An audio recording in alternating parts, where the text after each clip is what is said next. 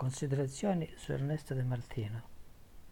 La storia di Marcellinara è degli anni 50 del Novecento, indelebilmente legata al massimo cultore italiano di etnologia e folklore Ernesto De Martino. Per un famoso scritto nel suo libro La fine del mondo che tratta del campanile di Marcellinara. Sono ormai innumerevoli e non più seguibili tutti gli scritti, gli studi, le analisi mediche che trattano la cosiddetta sindrome del campanile di Marcellinara.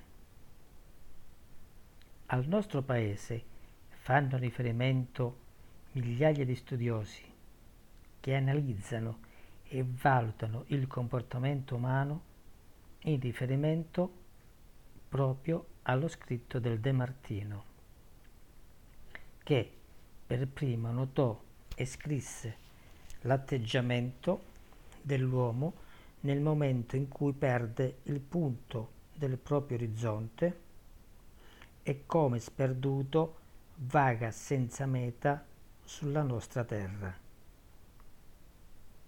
La stessa condotta è stata notata sulla psiche degli astronauti, quando nello spazio non scorgono più il nostro pianeta e così parlano in continuazione con le basi terrestri, quasi a non voler recidere, oltre che non vedere il loro pianeta, che poi è la Terra. Marcellinara è stata riconoscente nel recente passato a questo grande autore, con l'intitolazione di una strada, ma al di fuori di ciò poco si è fatto per farlo veramente apprezzare. Illustrandone le opere e del pensiero, farlo studiare nelle scuole. In altri termini, renderlo più marcellinarese, proprio per l'enorme beneficio in termini di coscienza che ha dato al nostro territorio. Mi sono fatto promotore nel recente passato in vari, incont- in vari incontri con diverse personalità locali per l'apposizione di una lapide a ricordo proprio dell'unico campanile di Marcellinara, quello della chiesa di San Nicola. Il risultato non è stato eccessivamente positivo. Spero però nel prossimo futuro di riuscire nell'intento.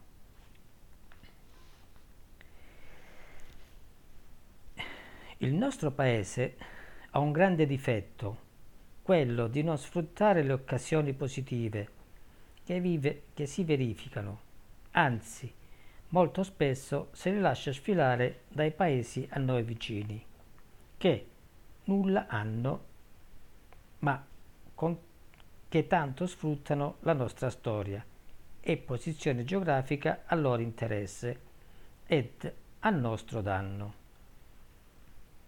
Prendiamo a modo esempio il distretto sanitario di base, la caserma delle guardie forestali e per ultimo l'incontro di Ulisse e Nausicaa.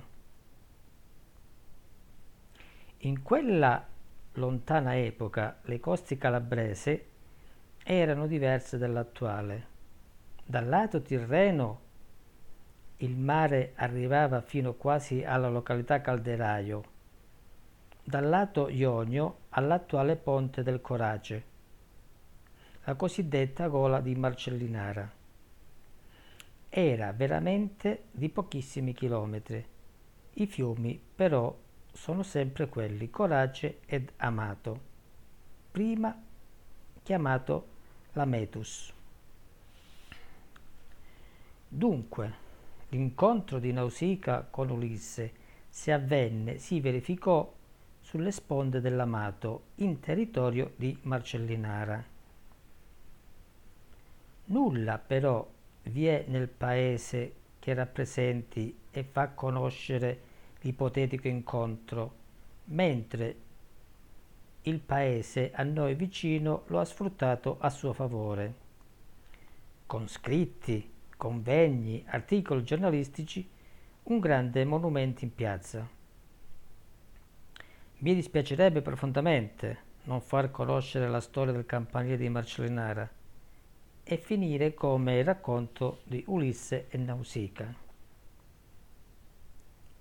Riprendendo lo studio sul De Martino, non posso parlare che di un altro suo libro fondamentale per farci conoscere il modo di vivere nelle popolazioni del sud, il cui titolo è Sud e magia.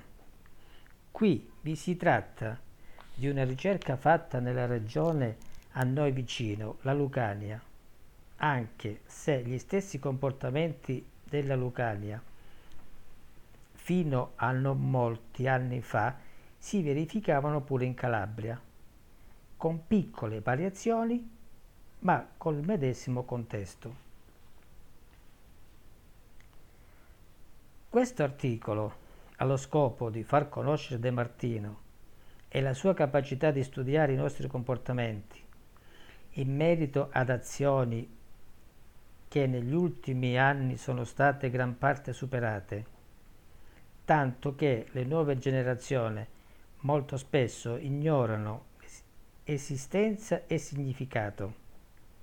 Si tratta delle manifestazioni magiche che tanto spazio hanno avuto e condizionato i modi di pensare ed agire, quali la fascinazione, la rappresentazione magica delle malattie, la fascinazione dell'infanzia e del latte materno, e poi abitini, toccamenti vari, corna e cornetti.